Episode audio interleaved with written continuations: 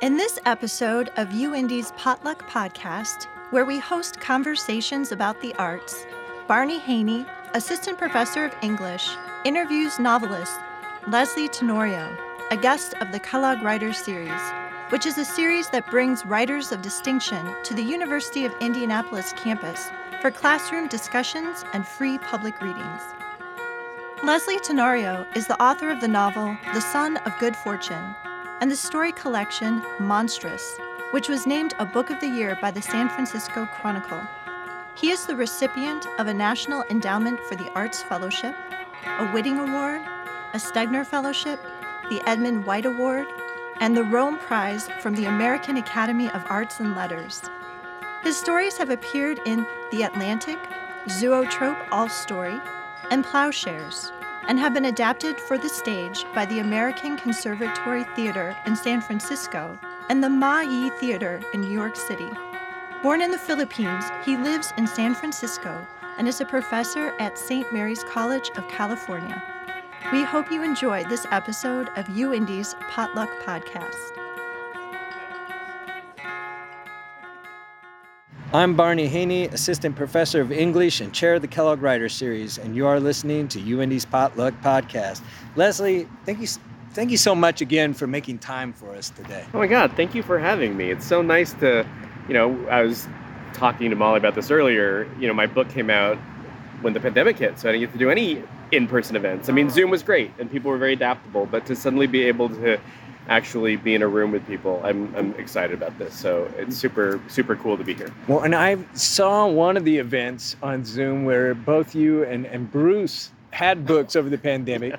and had a cocktail for your like Zoom reading that you did together that we all made. Like I didn't have you guys had fancy mixings. I was going kind of dirt of just like, nah, I'll throw these things together, put this, but it was awesome. And it was yeah. lovely that you had a cocktail and both books are super exciting. I love fruit as well. Like Bruce's collection, his new one is fantastic. But that, you guys were great on Zoom together. Oh, thanks. Yeah, that was in lieu of the. We'd planned a big book party, and since that couldn't happen, we figured cocktail tutorial was was the next best thing. We invented a, we invented that cocktail. We we combined the titles of our books. His book is Fruit. My book is right, The Son of right, Good Fortune. Right. We called it The Fruit of Good Fortune. Oh, nice. um, Aperol, gin, uh, and calamansi, which is a Filipino citrus, and shake it all up serve up. You know, it's, it's as good as a meal. It looked lovely on my end, and it tastes good too. You should make it. I should. I should get those. I should get those ingredients put together. I mean, cocktails is something like over the pandemic of something we kept exploring, you know, and just playing with. It was fun. Yeah, super know? fun. So, to get us started here, I just want to start by getting to know you better, if, if that's okay. Yep. Um, I want to know your origin story, and maybe we can just you know, if you can tell us about your life growing up and the things that were really catching your attention when you were young. Right. So, you know, I was I was born in the Philippines. Um, I'm the youngest of five children, and we came to the states when I was seven months old. So, as far as immigrant transitions go, mine was fairly easy. Um, but I, I, I have vivid memories of the particular challenges that my older siblings and my parents, of course, faced in trying to acclimate in trying to Americanize themselves, whether consciously or unconsciously. And we're all about five years apart, so there's about a 20 year spread between me and my oldest brother. And and and to and to immigrate as a teenager, I, I mean, being a teenager is difficult enough, no matter what culture you come from. But to, to immigrate as a teenager, I can't imagine how how difficult that must have been. But I, I certainly have memories of my of my siblings trying to, you know, m- make a life for themselves as much as a teenager can do that. Um, I, I, think that was really impactful. I mean, I felt like in some ways maybe I had a particular kind of immigrant experience, but lived vicariously through them. Um, so I think.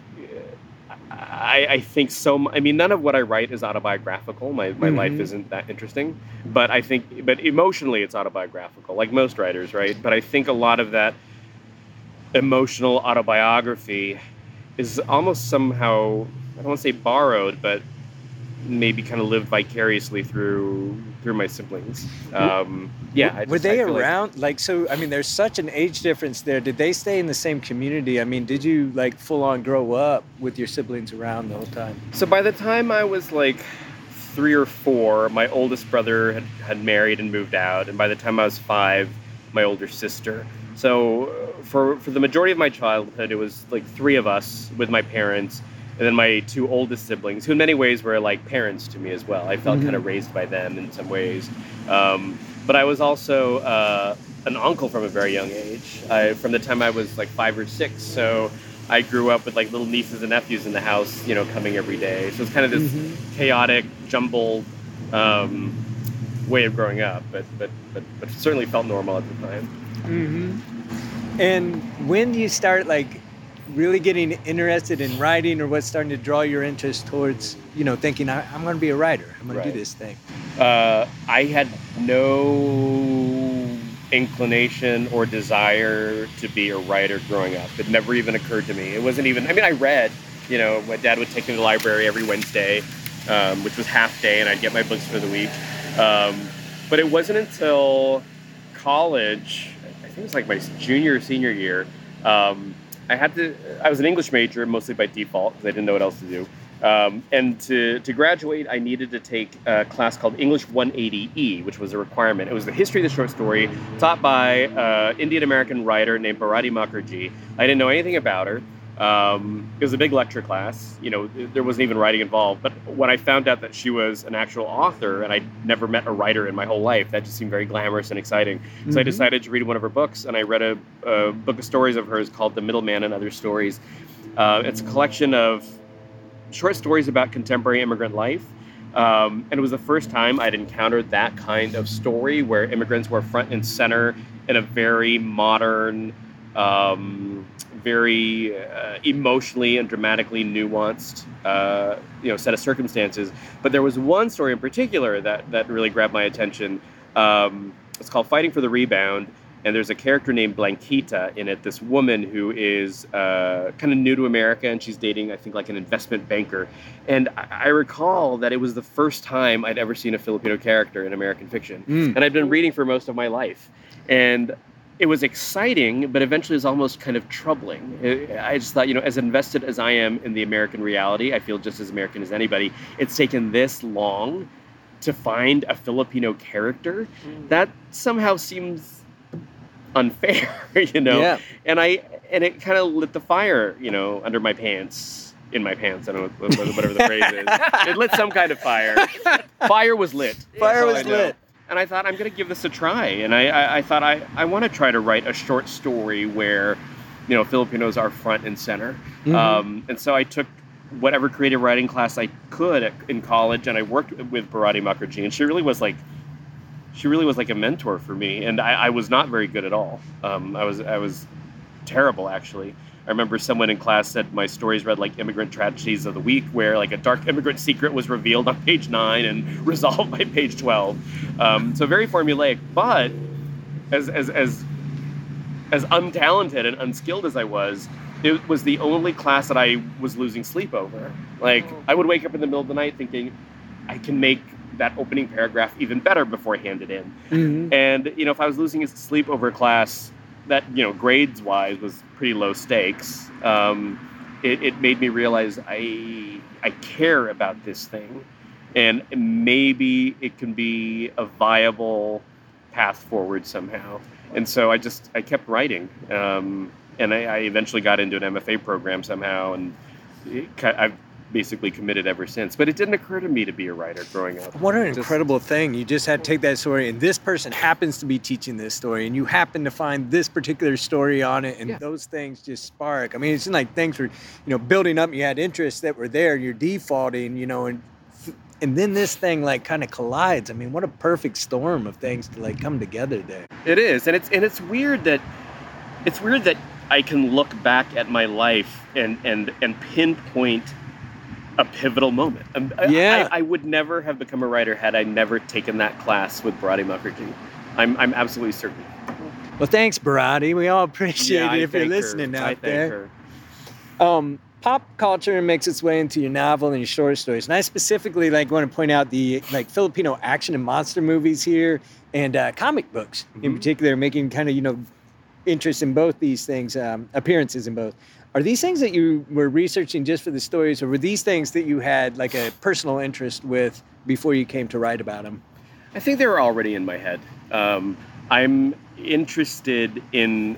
Uh, I, I, you know, when you're an immigrant, sometimes the easiest way to access the culture is through TV. Mm-hmm. And I grew up watching tons of TV, and and we didn't watch it with a sense of irony.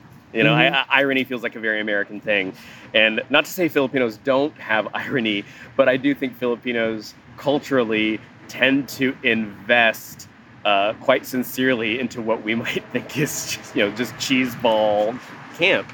Um, and you know, when I finally became aware of, of that distinction, that seems that, that seemed like really interesting material to me because I because I, I on one hand I feel like I can I can look at a particular piece of pop culture like a cheesy action movie, mm. cheesy horror movie, and make fun of it and laugh at it. But I'm really drawn to the challenge of trying to find something sincerely meaningful in that kind of material because I think Filipinos are somehow able to access certain kinds of material that way.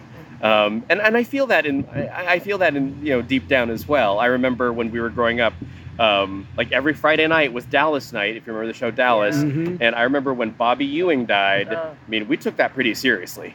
we were pretty shaken up, you know. And of course, I look at it now; it's like so ridiculous. But mm-hmm. you know, there's a part of me that kind of wants to honor that sincerity, and so I like I like trying to come up with these characters who really appreciate on a heartfelt level what someone else might think is you know artistically or culturally illegitimate. All right. I just think it's i don't know it's a fun challenge. I think that's awesome. Yeah yeah. I think i should pick up some of that challenge. Let's let's talk craft here. This seems like a good pivot point. Um, so you start writing these short stories and we, we're getting very much that origin where the short stories start. And um, what isn't in that story you told us is you got really stinking good. I mean, really, really stinking good. And like it shows, people took notice. You're getting published in the Atlantic, and this is, and like I mean, we read them in class, and and it's all right there. You got really, really good at these, and then you make the switch to writing novels. Can you talk about like what that transition was like for you, and maybe speak of someone like maybe even like I don't know if growing pains is the right thing to, to call it, but like some of those challenges of like switching to this other genre. Right. You know, when I first started writing, what got me into the what got me into writing was a short story. Um, it's it's probably still my favorite form, and oh, man, and I yeah, was just thinking too. I just want to write stories the rest of my life. Um, but then you know I made a deal with the devil, and suddenly it's like you have a two book deal and you owe the publisher a novel. I was like, sure, I'll sign on. You know, just anything to get my book of stories published. Um, and uh, I quickly realized as soon as I need to start working on the novel that the short story is by no means a training ground for the longer form. Um, there, there was no kind of, it was not a stepping stone or a kind of foundation. Um, it's a completely different beast. I mean, with, with the short stories, especially my short stories in earlier drafts were always really, really long. And when you're hoping to publish them in magazines, you kind of got to start thinking economically. So I was so trained to think economically. Mm-hmm. You know, how mm-hmm. can you get two, three, four different meanings out of one sentence? When I got to the novel, you know, I just suddenly it's like I'm not I don't have to think as economically anymore. Suddenly I realized they've been having dinner for 18 pages. When is this meal going to end? Nothing happened. and it was just so disheartening and discouraging and and almost boring. Yeah. You know, I was like, this is so boring. Uh, and it took me a long time to to to find some kind of fun in, in, in the process because it was just so it was just so daunting and unpleasant and scary. Yeah. Yeah, we've been so I'm teaching a short stories course um, this semester, and this is very much things that we're talking about. We get really excited about the short story, and often like we're finding ourselves bored in the in the novel and like in reading it and that experience of, you know, getting to take the story in its entirety in the short story and how yeah. fun that is. But yet, like the deal with the devil, I mean, we're pushed out there too. Like you're gonna write a novel. We sell your short short stories is a sweetheart deal. Yeah, we're not yeah. making money off this, you know. And this the mid majors, right? Like you know, Coffee House Press, uh, Milkweed, uh, Graywolf. You know, they're gonna they're gonna push short stories a little bit more. But the big players, and I ain't gonna. Maybe like few stories get out there get that National Book Award, like you know, conversation um, that we've seen. But even those, I don't know where, you know our selling is here and there. George Saunders, you know, it, Right. that's December um, gets that uh, gets that thing bestseller, but but yeah, to to a struggle to get to this, but like ultimately. You're writing at a really high level here with the novel, and there's so much like we enjoyed and did not find ourselves being bored when we were reading your Oh, novel That's, that's good to know. as a class here. Um, in your novel, The Son of Good Fortune, um, you focus like really closely on this relationship between a mother and son, Yeah. and we get to experience their compelling dynamic deeply, like in part due to your choice of telling that story in the close third person of, from both characters' point of view. Uh, can you talk to us about your coming to understand who you would tell the story through? Yeah. Um, you know, I tried in in the earliest drafts of that novel. I tried writing it from the character who eventually would become Excel. Yeah. You know, uh, I wanted to write it in first person because first person is most comfortable for me. Um, it even just feels more fluent as I'm typing. Um, but I, I, I just needed some distance. And I think the third person allows for those moments of exposition where you can just be expositional without having to, you know, trick the reader into believing a first person narrator would offer some exposition. Um, but I also wanted to be able to have a little more breathing room in which hopefully the reader could maybe judge him a little bit more or question him a little bit more. Not that you can't do that in the first person, but I just, I just wanted that wiggle room. Um, and I also think because this the the structure is not necessarily linear, um, writing it in close third felt like an easier way to accommodate that particular kind of structure. Mm-hmm. Um, and then getting into Maxima's point of view, at least for the prologue, I think was just a moment to feature her um, on her own. I I don't know how many I was going to say months, but it's actually years. I don't know how many years I tried writing that prologue from Excel's point of view, with him supposedly kind of like lurking about. And then suddenly he takes over this. It just it just wasn't working. I kept having Mhm. like drop in these little hints that you know Maxima is being observed by our actual point of view character. As it's like this is just it's so pointless. This is not about his perception of her. This is about Maxima on her own acting in a way that is unfiltered and hopefully can just be judged and experienced by the reader on their own. Mhm. Um, so once I realized I really wanted that kind of breathing room, I just thought, just do third person, as Mhm. uncomfortable as it is, as gross as it, as it feels. just Yeah. write it in third. So I, I grudgingly I had to write it in third. hmm Well, I think it's, I think it's such a smart move because if like if it's if it's their relationship to get to see it from both sides of these characters, we get to fully experience the relationship. If it was one sided coming from Excel, I don't. I mean, we don't get the same story. We, we're getting Excel's view of the story and not Maxima's like view of it, and she adds so much, you know, to this. Um, I wonder when you were writing this, when you wrote it from Excel's point of view first, in that in the first person, um, did you write linear through? Did you have him leave, go to Hello City, then come back, and the story was following that whole arc? No, no, it was going back and forth, and it felt so clumsy. It just felt so weird to have this first person narrator telling his story. Now I'm going to go back in time. Now I'm back in the present. Now I'm going back. I just, it just felt so false. Yeah. I just, I, I, I didn't believe it as I was writing it. Mhm. And even though it was just little minor gestures, like for for some reason I couldn't stomach a first person narrator saying, you know, eight months ago when I was in this other place, back in the present, here I am doing this. Looking back on five months ago, it just it just felt gross. I just I couldn't do it, and so I had to write it in in third. And that happened in one story in the collection too. I tried writing it from the first, didn't work, and I had to write in the third. And there's only one. It's only one story that's in the third person in the collection. So Mhm. yeah, it's not an easy, it's not an easy way to write for me. So another like awesome choice in this, the Riley choice in here. Um, you chose to write the novel in the present tense, and I love present tense. And I know a lot of people poo-poo it. I love Yeah. present tense, and um, it's not just present tense, but it's these like concise. It's this concise, straightforward prose um, that gives this story like a really crisp rhythm. For me as a reader, it has it's moving at a hot clip. Mm-hmm. And not only was it doing that, like I, I felt like that hot clip was really reflective of kind of like the spunk Mhm. of the characters Maxima and Excel. That that thing was like relating to them and, and the movement of the story like really brings things out in their or reflects things within their characters. Was that something that was like that was coming to you intuitively or or when you're working within that third person building the senses in that way like um, how did you how did you find that rhythm how did you find that voice I'm so excited that you've felt that way with the with the present tense because that's that is what I was going for. I, I wanted this kind of snappy, occasionally urgent sense of pacing. Like I wanted to be able to say in a paragraph, he gets on a bus. Two hours later, he's here. Two hours later, he's here. Suddenly, he's in San Francisco. Ten hours later, and I wanted to be able to do that in a paragraph. And I thought by having it told in the present, you kind of just generate that kind of fast movement. But but but I wanted to make sure to to to to to develop that early on.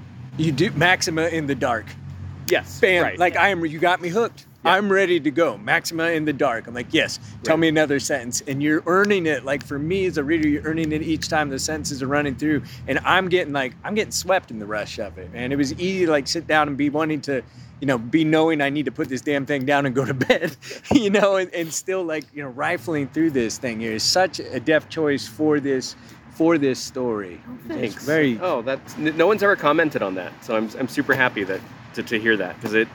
Yeah, it, it took a long time to decide on that, but once I just once I committed to that, I felt like okay, I think I can write this book.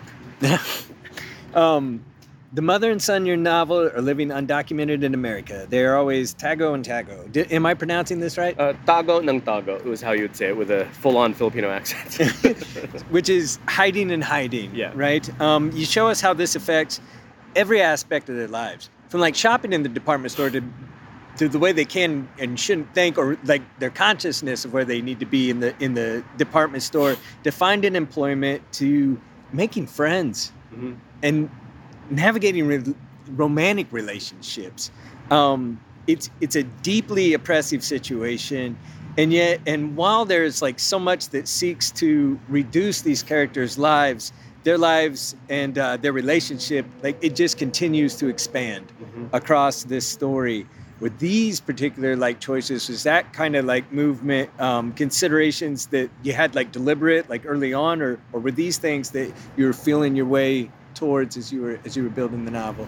I think it's the latter. Um, when I started writing this and when I realized, okay, these characters are undocumented, um, I think that's when I went into, you know, research overload because because undocumented immigration is a it's an issue, it's a topic. You know, I, I wanted to deal with it responsibly.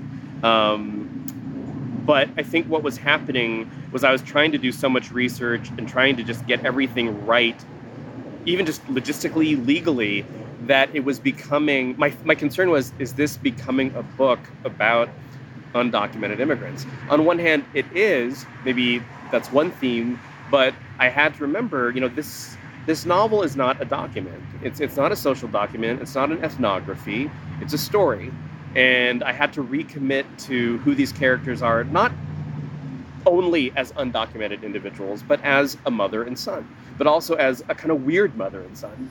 Um, kind of, in many ways, they champion each other. In some ways, they're horrible to each other.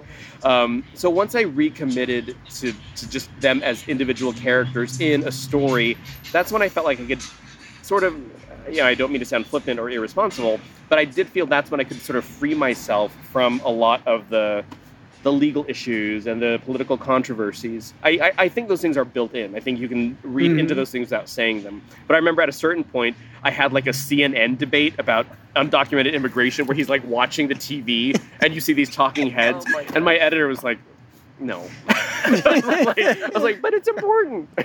you don't need it. I'm like, okay, I don't need it. And she was so, she was very wise, you know, because I, I think that's when I was trying to perhaps earn my street cred on this topic. But you know, I'm I'm not an expert on the topic. You know, I'm if if I'm an expert on anything in the book, it's I'm an expert to some degree on Excel and Maxima Mm-hmm. as individuals. Right, And and, and to leave that out of their lives would have been to leave a big thing out of their lives, right? Right. I mean, that had to be covered like through this story, and it's done so well. I Oh, mean, it's very much done well. I mean, it's very it's very much there and allows us to like build like a a real depth of empathy for these characters. Like you know, it's it's hard on hard, and it's, it's Megan when the students here said it never gets bleak. One of the things I really loved is like another writer could have took this and easily gone like a real bleak route with it, and this and this Yeah. doesn't happen, and, and you know it doesn't get bleak. Well, that's I think things get super hard at times here, but doesn't go into to Bleakville. Um, all right, Lysley. Now it's now time for the hard questions. All right. Ready. This this is what the students like to call the lightning round. Okay. All right.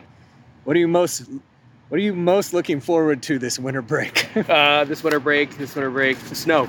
Snow. Because I'm in because I'm on the East Coast for the year. Okay. Yeah, so there better be snow. The I be snow. snow. Are, like, do you like to ski? Do you, are you going to go out and try to get in like a one of these sleighs that they have out there? You know they have sleigh rides out there in New England. Oh yeah.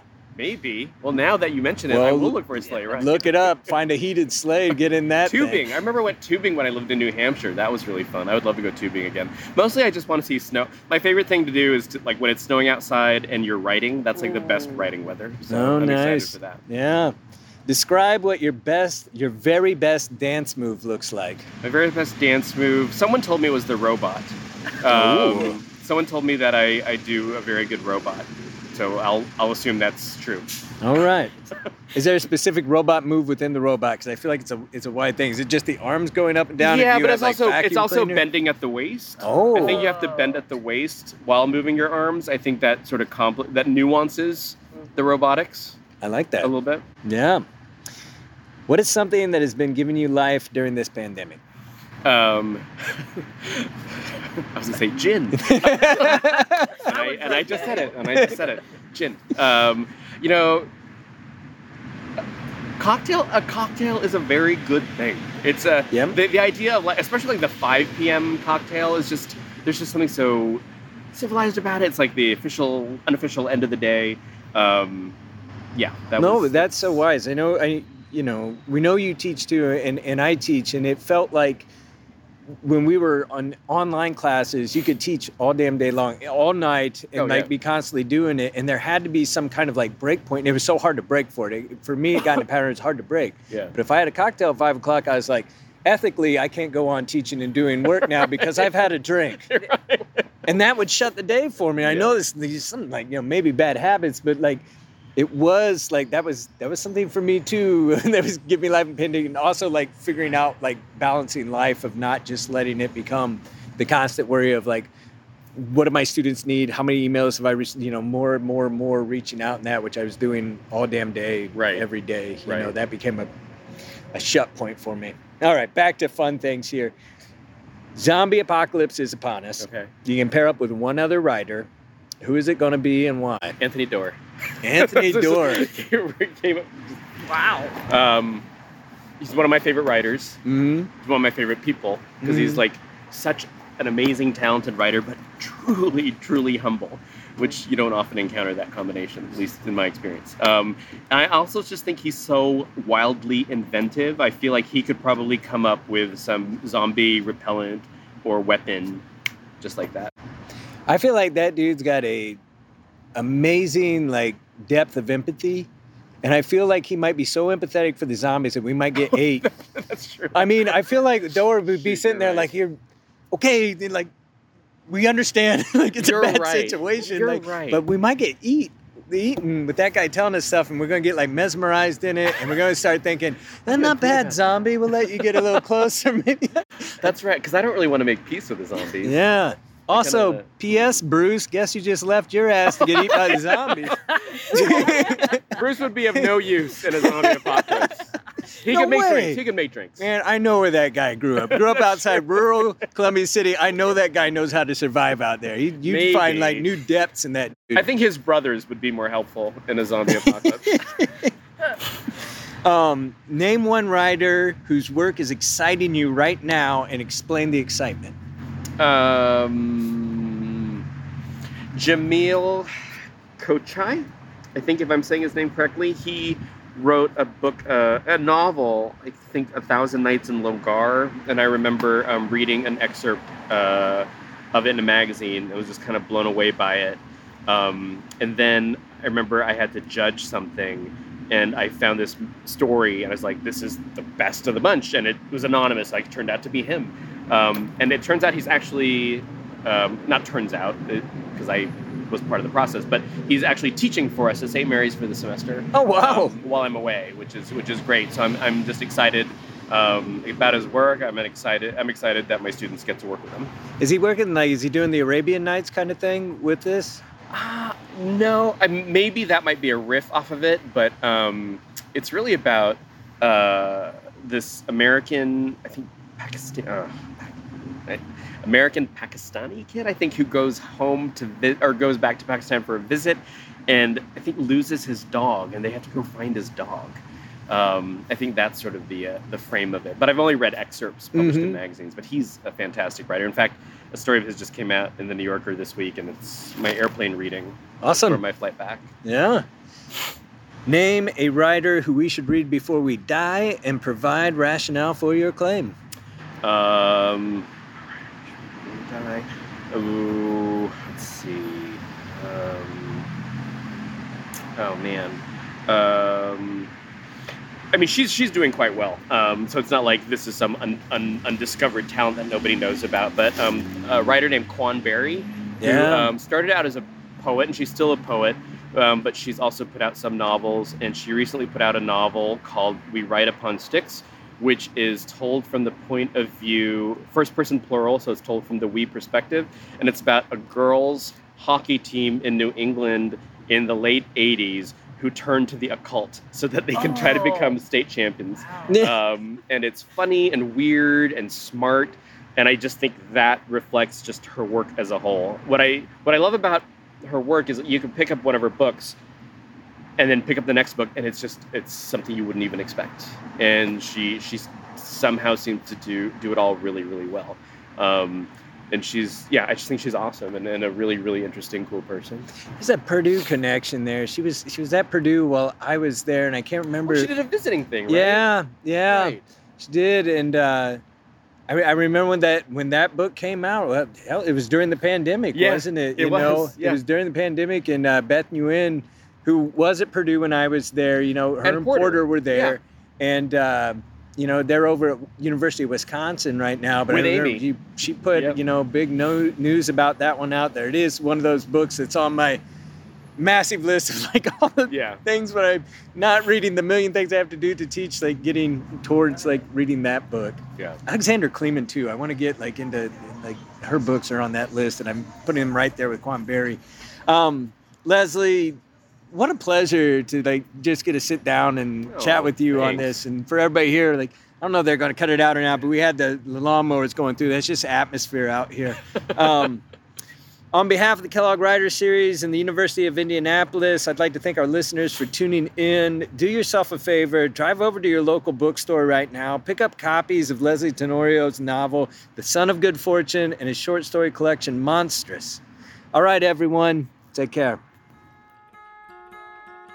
Thank you for listening to the UIndy Potluck Podcast, hosted by students and faculty of the University of Indianapolis. We would like to thank our guests in the Shaheen College of Arts and Sciences. To learn more about the UIndy Potluck Podcast and to hear other episodes, please visit etchings.uindy.edu forward slash the hyphen potluck hyphen podcast. Thank you for your support.